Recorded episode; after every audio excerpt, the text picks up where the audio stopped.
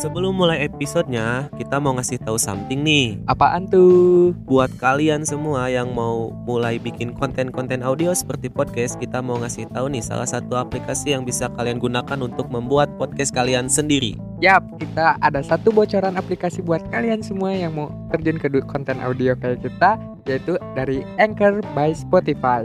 Di Anchor ini sudah full package banget nih menurut gua ya karena di dalamnya ini terdapat fitur-fitur yang bisa kalian gunakan untuk recording, editing dan juga untuk mempublikasikan podcast kalian ke platform lain. Ya, jadi aplikasi ini tuh benar-benar sesimpel itu, segampang itu untuk digunain dan fiturnya juga lengkap. Kalian juga bisa dapetin aplikasi ini di App Store maupun Google Play Store atau kalian bisa kunjungi di www.anchor.fm. Dan mulai podcast kalian sekarang juga.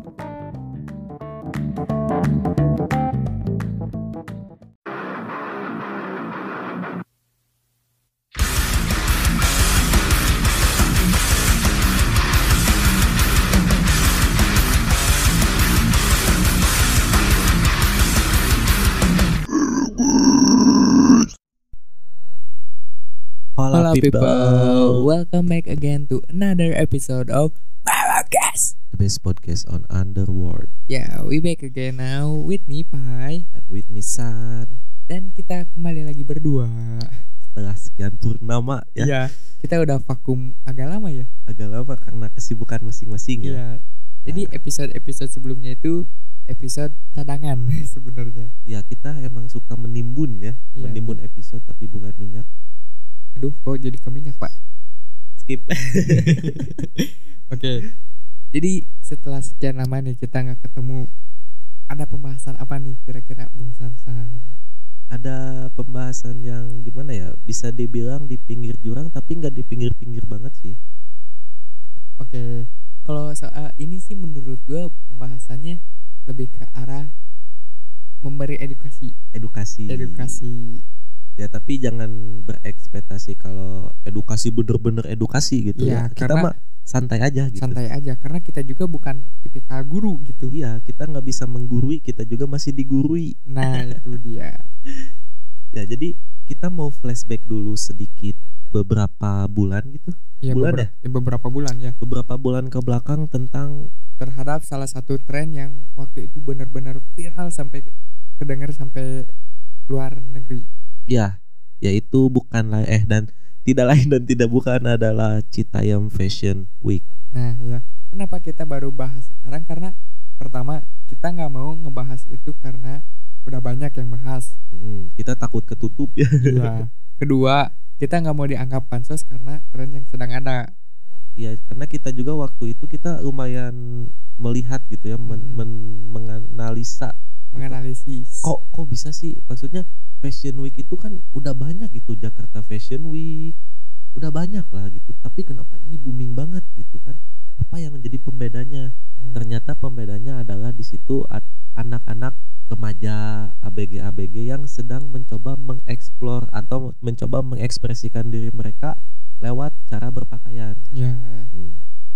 Jadi pembahasan kita kali ini tuh menyangkut gaya berpakaian ya. Ya gaya berpakaian Gaya berpakaian. kita persempit aja dulu soalnya Ya. ini bakal ngelebar ke mana-mana soalnya pembahasan kita kali ini menyangkut sejarah, menyangkut psikologi, dan betul juga menyangkut karakteristik iya karakteristik. Jadi kita perkecil aja. Soalnya kalau kita bahas semuanya, kita sendiri juga yang pusing. kita pusingnya tuh pusing menyampaikan gitu karena Iya. takut salah kata gitu kan karena apa yang kita ucapkan itu pure tanggung jawab kita kan gitu kan. Udah pasti. Jadi setiap yang kita ucapin itu adalah tanggung jawab kita kan. ya jadi Apalagi sem- kita- semoga bisa dipahami aja gitu. Ya apalagi kan kita ngepublikasikan ini untuk masyarakat umum. Mm, bukan buat publik gitu kan. Ya buat publik. Jadi pembahasannya kita perkecil terhadap salah satu pembahasannya itu fashion. Fashion alias cara berpakaian. Ya. Jadi kenapa Citayam Fashion Week ini benar-benar disorot oleh mata netizen Indonesia maupun di luar Indonesia. Hmm, kalau menurut gua sih menurut analisa gua ya Mm-mm. ya karena tadi yang anak-anak kecil anak-anak ABG gitu yang orang pikir itu masih meminta uang ke orang tua tapi udah banyak gaya. Ya. Nah, tapi di luar sana juga banyak loh anak-anak kecil bahkan yang da- dari usia 7 tahunan 8 tahunan udah jadi model ada udah jadi model ada. Karena emang ya mungkin itu disup karena support orang tua Iya mungkin. support orang nah tua. bisa aja mereka juga disupport oleh orang tuanya kan? Iya, nggak ada yang tahu. cara meminta pak pengen beli jaket dong. Tapi dari barang-barangnya juga sih bukannya apa ya kan mereka juga yang nge-spill sendiri kan? Kalau misalnya bukan barang-barang mahal gitu. Iya. Jadi pembahasannya kali ini tuh menyangkut soal yang disebut gender bisa disebut ya. Ya betul. Gender juga bisa disebut jadi untuk gender sendiri yang orang umum tahu itu ada cuman ada dua kan? Pria dan wanita. Tapi klasifikasinya Iya, ada klasi- empat. ada ada empat. Yaitu maskulin hmm?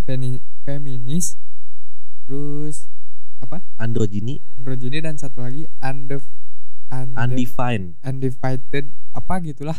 Pokoknya non binary lah Ya, gitu biar biar cepet ya jadi gua mau jelasin dulu ada empat kan tadi ada maskulin feminim androgyny dan juga yang keempat non binary lah kita sebut ya nah kalau maskulin ini tuh si mas apa maskulin tuh kan identik dengan pria jantan Mm-mm. apa gagah gitu nah Iya. itunya lebih menonjol nah kalau Jadi- feminim kalau feminim itu kebalikannya jadi lembut gitu kan ayu tenan gitu Iya. kan cakep lah gitu nah kalau androgyny itu balance setengah-setengah jadi maskulinnya dapat femininnya dapat dan yang keempat yang non binary itu ketiganya nggak ada.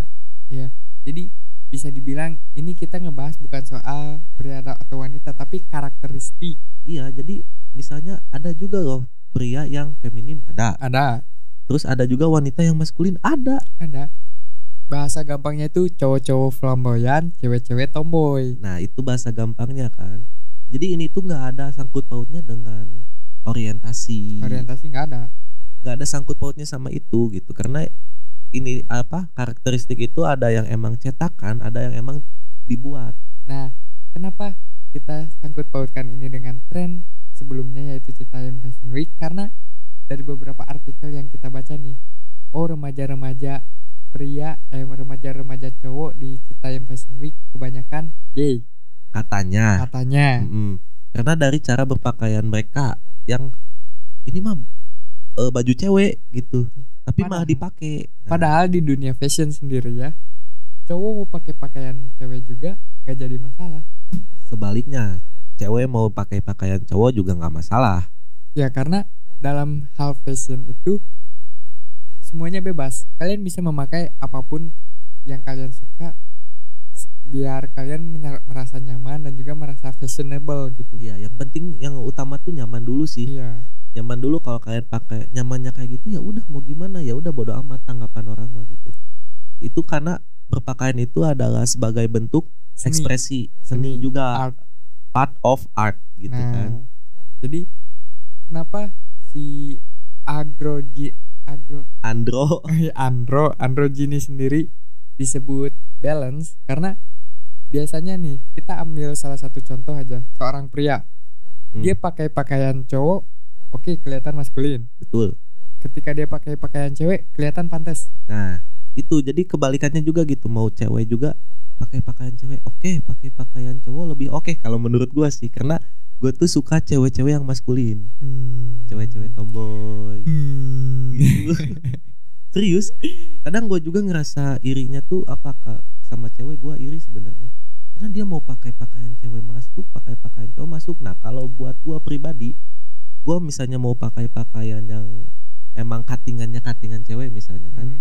itu agak tricky gitu. Ya, bisa pantas atau gak pantas? Kenapa kita mau ngebahas ini juga? Karena kita ngalamin sendiri.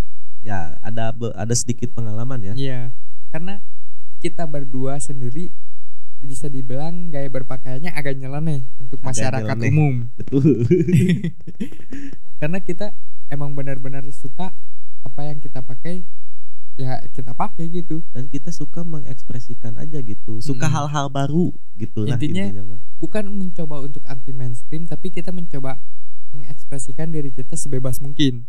Iya, karena itu adalah hak kita ya yang kita dapat sejak lahir gitu kan. Iya.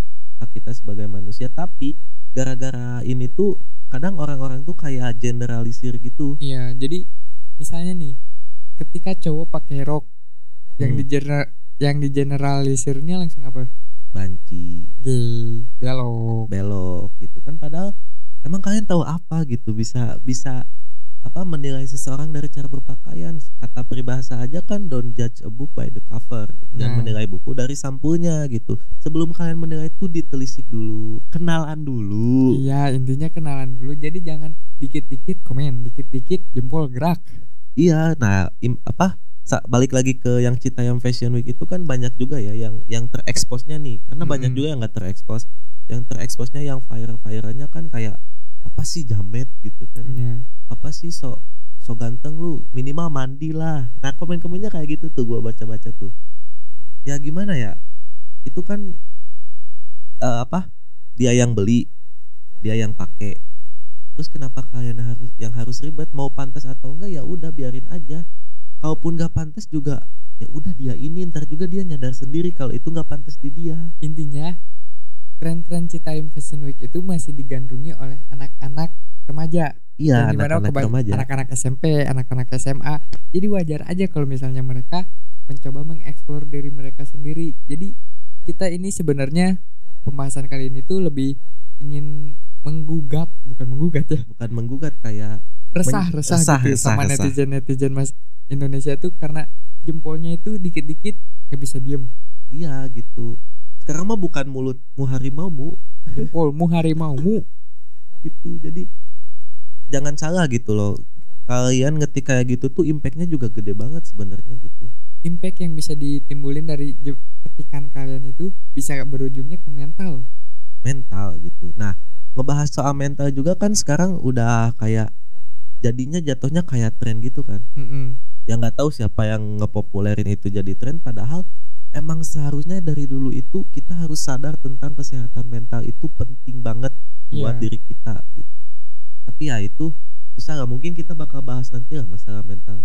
Jadi Iya, kita mau ba- balik lagi ke androgini ini. Andro, andro, andro, andro sih. Andro, Androgini. androgini. Maaf ya guys, gue belibet. Soalnya susah gitu nyebutnya. Nah ke androgini ini, androgini ini tadi seperti yang udah gua jelaskan balance gitu kan. Mm-mm. Jadi ya itu karena dari pakaian aja nih, dari kalian belanja baju atau apa pun sekarang udah ada label unisex, Nah itu. universal sex alias itu tuh gak terpatok ini tuh dikhususkan buat cowok, dikhususkan buat cewek, enggak semua gender, semua jenis kelamin bisa pakai. Makanya kenapa kalau dilihat dari fashion-fashion sekarang, kenapa setiap brand sekarang ngeluarin misalnya jaket crop top, hoodie Nah. crop top, Betul. baju-baju crop top. itu kan sebenarnya pakaian buat cewek waktu Iya. dulu gitu kan waktu Enggak. dulu Trennya. trennya bu waktu dulu di di apa dibumingkan oleh cewek Mm-mm. karena gini nih kita ba- bedah dulu dari cuttingannya gua mau sosok jadi desainer dulu Oke. Kita bahas dulu nih ya katingan-katingan. dari crop top crop itu kan alias apa motong ya Mm-mm. memotong gitu kan jadi biasanya kalau crop top itu di atas pinggang gitu kan Mm-mm. kalau baju itu kalau kaos lah ya kita ambil contoh kaos kaos itu umumnya di bawah kemaluan nutupin kemaluan lah Mm-mm. biasanya gitu nah kalau crop top ini di atasnya gitu Mm. jadi bisa menonjolkan bagian kulit seperti pusar gitu kan Iya. perut jadi agak menonjolkan gitu karena pendek nah dan juga biasanya ngefit banget di badan alias ngepres nah kenapa gua bilang dulunya ini dibumingkan oleh wanita karena wanita itu ingin menonjolkan lekuk tubuhnya Nah, kalau kalau dari gua nih ya, kenapa dulu wanita yang memakai crop top? Karena dalam logikanya cowok nggak mau pakai yang ketat-ketat. ya apalagi yang badannya kurang bagus Iya, nah mereka ngerasa duh, gua insecure kali. insecure bahasa sekarangnya. Nggak ngerasa nggak pede lah gitu. Mm-mm. Tapi semenjak apa ada ada waktu itu ada artikelnya yang tahun abad 20 gitu ya, Mm-mm. yang mulai di androgen itu udah nggak dibatasin. Ya jadi udah mulai bebas lah gimana kalian gitu mau berekspresi kayak gimana juga. Sampai ada yang namanya genderless fashion gitu. Nah, Jadi udah nggak mementingkan gender gitu. Udah ini cuttingan buat siapa aja boleh pakai gitu. Mm-mm. Yang penting kalian bisa mengkombinasikannya dengan ciamik, dengan rapih, dengan baik. Nah, itu pasti bakal cocok di kalian. kenapa androgini juga kita bahas kali ini? Karena ini bisa dibilang salah satu hal yang kadang disalah sebutkan eh bukan salah artikan disalahartikan nah, benar karena biasanya cowok-cowok yang memiliki karakteristik androgini itu biasanya mereka ya tampilannya agak-agak flamboyan. Nyeleneh ya. Ya nyeleneh terus misalnya kalau cewek agak-agak tomboy dibilang kenapa nggak ada cewek-ceweknya? Ya itu. Tapi kalau salah satu nih gue punya salah satu contoh artis atau pusi atau bisa disebut public figure dan juga di, bisa dibilang rock bisa dibilang rockstar yaitu adalah Elvis Presley. Wah legend itu legend. Siapa sih yang nggak kenal Elvis Presley? Semua orang di dunia ini pasti tahu seenggaknya siapa Elvis Presley dengan hit singlenya yang berjudul apa ya gue lupa. Ini nih. Eh lupa. Ada ada anjing. Bener-bener gue inget-inget dulu. Bener. Kok kita lupa ya jadi lagi ya itu kita Lagunya. nyanyiin lagi. Pokoknya si Elvis falling in love with you. Can Nah, have itu. falling in love with Falling you. You. nah itu dari zaman kakek gua. Nyokap gua itu dengerin terus sampai sekarang juga masih booming tuh. Intinya kenapa gue ngambil contoh Elvis Presley? Karena pertama Elvis Presley punya muka yang dibilang maskulin. Maskulin ya Tapi kayak juga rahangnya cantik. tegas gitu Iya, kan tapi juga cantik. Kenapa Nah. gue bilang cantik? Karena Elvis ini bisa apa ya memadukan eh, bentuk mukanya yang dengan maskulin. pakaian. Nah pakaiannya juga emang katingan-katingan cewek kan? Iya. Ngepres di badan kan kayak misalnya celana cutbray celana cutbray ya, baju-baju kulit. Baju-baju kulit yang ngepres ngepres. Warna-warnanya juga Iya, kan ngejreng warna-warna banget yang- gitu. bisa dibilang bukan warna-warna pria karena kebanyakan pria pasti sukanya hitam. Hitam. Nah itu black blackness covered the sun. Nah uh Uh, blackness cover the sun. Apa tuh? Ya pokoknya kegelapan yang menutupi matahari. Ih, kita emang anaknya gelap banget ya gitu mamba. Mamba banget. Geli aja gua. Mamba-mambaan tuh. Ya sebenarnya gue juga gali cuman ya tren-tren sekarang yang bikin nancep di otak gitu wah sebenarnya gimana ya tren-tren sekarang tuh cuman diperbarui istilah. Mm-mm. intinya mah sama-sama aja. Genderless fashion ya sebelumnya kan unisex sekarang jadi genderless fashion.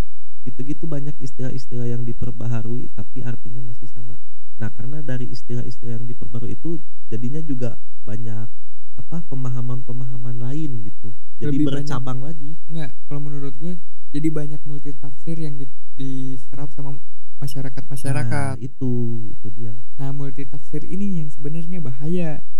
Karena ini bisa jadi apa ya tembok untuk diri sendiri jadinya. Tuh. jadinya kayak ya contohnya kalau misalnya orang-orang yang contoh gampangnya kita deh Ketika kita bikin buat foto pakai rok orang-orang pada ngeliat kayak gimana mukanya? Dia kan kayak wah ini. Walaupun dia nggak ngomong langsung cuman Hmm. kan kita dari bisa raut menilai wajahnya gitu. juga kelihatan. Kayak aneh gitu apa sih ini orang gila atau apa gitu kan? Ih, pasti ini gay pasti belok nih. Tapi kalau kita mandang dari perspektif seni karena seni itu universal dan juga seni itu sangat luas gitu kan intinya seni itu sah-sah aja sebenarnya sih. Iya intinya seni itu absurd alias nggak bisa dikategoriin seni kalau misalnya kalian nggak ngerasa bebas. Ya karena ya itu kebebasan dalam berekspresi itu ya seni gitu loh. Mau kalian berpakaian seperti apa pun mau kalian pakai warna apa pun gitu walaupun gak pantas di kalian gitu menurut orang ya. Tapi asalkan kaliannya nyaman dan juga kaliannya suka memakai itu sah-sah aja gitu itu udah bukan jadi hal masalah besar gitu iya itu ya Cuman- udah gitu menyangkut mental health nih anak-anak sekarang tuh dibilang ah lu nggak pantas ini langsung ngerubah gaya tampilan Nah, itu padahal sebenarnya kan gimana pasarnya aja sih kalau menurut gua. Walaupun ada orang yang bilang nggak pantas lah atau misalnya apa sih lu pakai pakaian gini so cakep so apa. Tapi kalau kalian nyaman ya udah gas aja terus gitu. Bodoh amat orang mau bilang apa juga. ya makanya kenapa pembahasan awal kita itu soal Citayam Fashion Week karena dilihat dari komenan-komenan masyarakat yang jahat-jahat gitu bisa Jahat dibilang gitu sih sebenarnya. Kayak ya, kalau gua gitu ya lihat orang kayak ih nggak pantas pakai ini ini kok aneh aneh ya dilihatnya Hmm. gitu bukan nggak pantas sih kayak aneh ya mungkin gua juga kurang luas apa pengetahuan gua gitu seputar cara berpakaian atau fashion jadi cuman ya udah gitu Udah. keep sendiri. Nggak usah di komen gitu kasihan gua liatnya kayak ya udah itu bentuk ekspresi mereka gitu. Dan itu emang usianya mereka apa ya mencari jati diri gitulah. Mengeksplor diri mereka sendiri ya udah itu emang usianya nggak usah kalian judge atau apa gitu. Kadang gua juga mikir kayak orang-orang ngebumingin Citayam Fashion Week itu emang karena keren atau, Atau emang karena Nyir- pengen nyinyir, ngejudge ya nyinyir. gitu sarkas gitu kan ngebumingin itu. Jadi gitulah. Karena pada akhirnya yang gue lihat dari tren itu kebanyakan orang-orangnya cuman nyinyir doang. nyinyir doang gitu. Dan banyak juga yang mencari keuntungan. Kayak ada salah satu artis yang mau ngehaki Heeh. Citayam Fashion Week. Cuman eh kita nggak akan bahas itu karena bahaya. bahaya dan juga ah, nggak ngerti gue apa haki-hakian gitu kan. Ya tapi kita juga eh agak mulai belajar gitu soal haki ini. emang penting sih melek Mm-mm. haki itu karena ya siapa sih yang suka gitu udah berpikir keras bikin suatu karya atau suatu ya bikin suatu karya terus diambil orang dengan enaknya ya mau nggak mau emang harus dihakiin aja gitu biar gak diambil orang seenaknya biar gak dicomot gitu biar itu bisa jadi milik kalian sepenuhnya karena kalian yang nyiptain itu Nah, semenjak kejadian ada salah satu public figure yang mau menghaki Time Fashion Week ini, akhirnya apa? Redup, redup trennya hilang. hilang nggak tahu pada ke mana ntar juga nanti ada timelinenya kalian ingat ini, ini, ini yang dari Jik, eh, Citayam Fashion Week beginilah nasibnya sekarang biasanya gitu di timeline tuh suka muncul-muncul kayak Di gitu YouTube YouTube ya biasanya. ya. muncul-muncul kayak gitu jadi intinya apa ya inti dari semuanya itu ya udah gitu kalian tuh harus bisa menerima perbedaan dan hal-hal yang mungkin belum pernah kalian temui sebelumnya gitu Intinya, toleransi udah toleransi penting. Karena di zaman sekarang semenjak ada sosial media nggak ada nih yang namanya batasan. nggak ada nggak ada. Misalnya lu nge bikin postingan ke teman dekat lu aja, close friends Iya. eh. tapi teman dekat lu ini bisa nge-SS, bisa ngebagiin ke orang lain. Iya, jadi emang sosial media itu sebenarnya emang buat publikasi aja dan kalau menurut gua sekarang sosial media itu sebagai bentuk dokumentasi Mm-mm. gitu kan karena penting juga ya gitu. Aset itu menurut gua. Ya dokumentasi menurut gue juga aset. Iya. Jadi ya udah kalian mau ngeposting mau nyampah juga sebenarnya sah-sah aja gitu. Orang sosmed-sosmed kalian, kuota-kuota kalian gitu. Kenapa orang-orang pada ribet gitu? Gua tuh kadang eh, resahnya tuh kayak kenapa sih orang-orang mempersulit hidup ini yang begitu simpel sebenarnya kalau kita bawa simpel juga gitu loh. Tapi nggak ada yang namanya hidup simpel pak. Nggak ada. nggak ada tapi akan gimana perspektif kita aja sebenarnya hidup tuh sulit tapi outputnya ini loh outputnya kalau misalnya kita bawa enjoy bawa have fun bawa ketawa ya nggak akan kerasa gitu beban apa pun juga tapi kalau kita dipersulit diperibet masalah kecil juga bisa jadi besar Oke. Tapi kalau misalnya soal pembahasan androgini sendiri nih ya, mungkin ini udah agak bleber ke mana-mana nih. Mm, Jadi si androgini itu kenapa kita bahas? Karena balik lagi melihat anak-anak muda yang dijudge karena gaya berpakaiannya ini yang buat kita resah. ya ya udah sih gitu kan tuh gua tuh anehnya tuh kayak pengen nimpalin satu-satu gitu Mm-mm. cuman ah gua juga bukan orang nganggur yang apa yang gabut terus ngomenin orang gitu kan. Jadi ya udahlah gimana ya udah emang gimana ya emang flownya harus kayak gini gitu. Netizen Indo mah emang paling the best lah di dunia juga emang diakui kan. Ya, netizen terbarbar atau apa. Tertoksik intinya. toksik iya bener. Ya karena mungkin mereka terlalu nyaman dengan comfort zone mereka jadi melihat sesuatu yang berbeda tuh adalah sesuatu yang dirasa Sesuatu ancaman. penyimpangan. Penyimpangan Iya. ancaman gitu yang padahal nggak ngefek-ngefek banget gitu impactnya apa sih buat hidup mereka gitu kan Intinya buat pembahasan intinya kenapa kita nyampein ini tuh karena kita ingin nyampein ke kalian bahwa hidup itu indah kalau misalnya kalian gak ngurusin hidup orang lain. nah gitu udah urusin aja hidup kalian sendiri gitu kan beras tuh urusin token listrik tuh bunyi urusin Belum lagi BBM yang naik terus. Aduh, sebenarnya gatel nih, cuman ah gimana ya? Ya udah, gua mah percayanya gini. Walaupun mungkin banyak warga-warga yang ngejudge apa, wah pemerintah nggak becus gini-gini, tapi gua yakin ini tuh emang jalan terbaik yang mereka pilih setelah dirundingkan, setelah mencari A sampai Z. Akhirnya ini yang paling bijak buat semuanya. Jadi ya udahlah terimain aja gitu kan, gimana lagi gitu. Ya, cuman kalau menyangkut soal pemerintahan nih, kadang pemerintahan nggak melihat yang ada di bawah. Iya. Jadi tapi balance sih kalau menurut gua. Gua yakin pasti walaupun kadang kita atau gua juga sendiri sering mikir kayak ah pemerintahan gak peduli rakyat cuman mentingin diri sendiri. Tapi pasti ada aja satu atau dua orang dalam seratusan itu kan Mm, dalam satu kabinet itu pasti ada yang mikirin rakyat juga gitu loh. Pastilah Dan itu semua disatu padukan jadi muncullah putusan-putusan seperti ini. Jadi Ya, ya, cuman udahlah. udah jangan ngebahas pemerintahan, Pak. Ya itu bukan ranah kita ya sebenarnya. Lagian bahaya juga kalau misalnya salah ngomong soal pemerintahan. Iya nanti ujung-ujungnya ada tukang bakso Iya, bawa bawa bawa hate.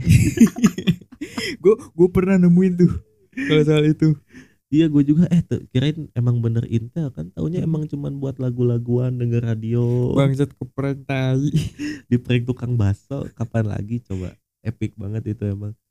Nah jadi begitulah semoga bisa ditangkap ya. Ya jadi kesimpulan pembahasan androgini itu ketika cowok berpakaian feminisme kalian nggak usah ngejudge kalau misalnya dia itu belok karena bisa aja itu adalah karakteristik dia yang di mana cowok itu jadi flamboyan di, di- dibilangnya dibilangnya Hmm. bisa jadi cowok-cowok flamboyan padahal di sisi lain dia juga tetap maskulin Iya.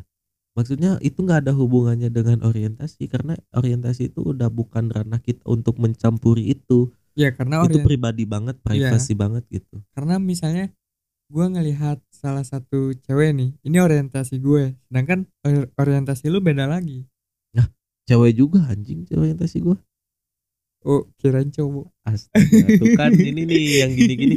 Nah, ini tuh contoh netizen-netizen lah. Orang kayak gini nih, orang kayak gini nih, contoh-contoh yang kita resahin gitu kan. Kayak gitu tuh. Jadi ya udahlah. Maksudnya hidup itu bawa simpel aja lah. kalau ada videonya co- apa coba POF cosplay netizen Cosplay netizen ya, point of view netizen kayak gitu gitu. Nah, jadi seperti itu ya. Pokoknya jangan merasa ada perbedaan itu ancaman gitu. Contohnya dalam berpakaian Mm-mm. gitu. Ini tuh dalam berpakaian gitu. Kalau beda sedikit ya udah gitu loh. Fashion itu luas, tapi gua bersyukurnya sekarang tuh kayak banyak influencer-influencer yang men, apa namanya? yang mulai men- menunjukkan kalau misalnya androgini gitu gitu Iya. kan.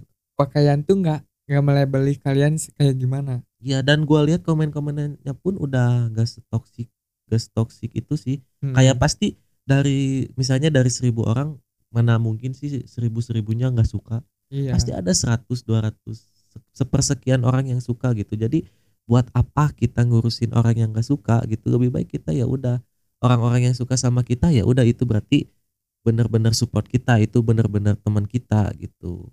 nah oke jadi udah kali ya pembahasan soal androgini ini. Ya kalian bisa riset sendiri ya kalau misalnya kurang puas dengan penyampaian kita gitu. Karena kita juga memang masih belajar tapi gitu. kalau dari gue pribadi gue ingin sih nyampein androgini ini dalam hal lain dalam misalnya sejarah atau psikologinya. Boleh mungkin kita nanti ada eh, bahas kali ya. bahas lebih dalamnya ya. Ya, kita lebih- bahas lebih dalamnya. yang lebih baku lah gitu. Mm-mm, yang lebih formal. Mm-mm. oke jadi sekian dulu dari kita yang mencoba berani bersuara ya. Oke. Oke sampai bertemu di episode Meroke selanjutnya. Gua Sansan pamit undur diri. Dan gue Pai pamit undur diri. See you people. See you in the next episode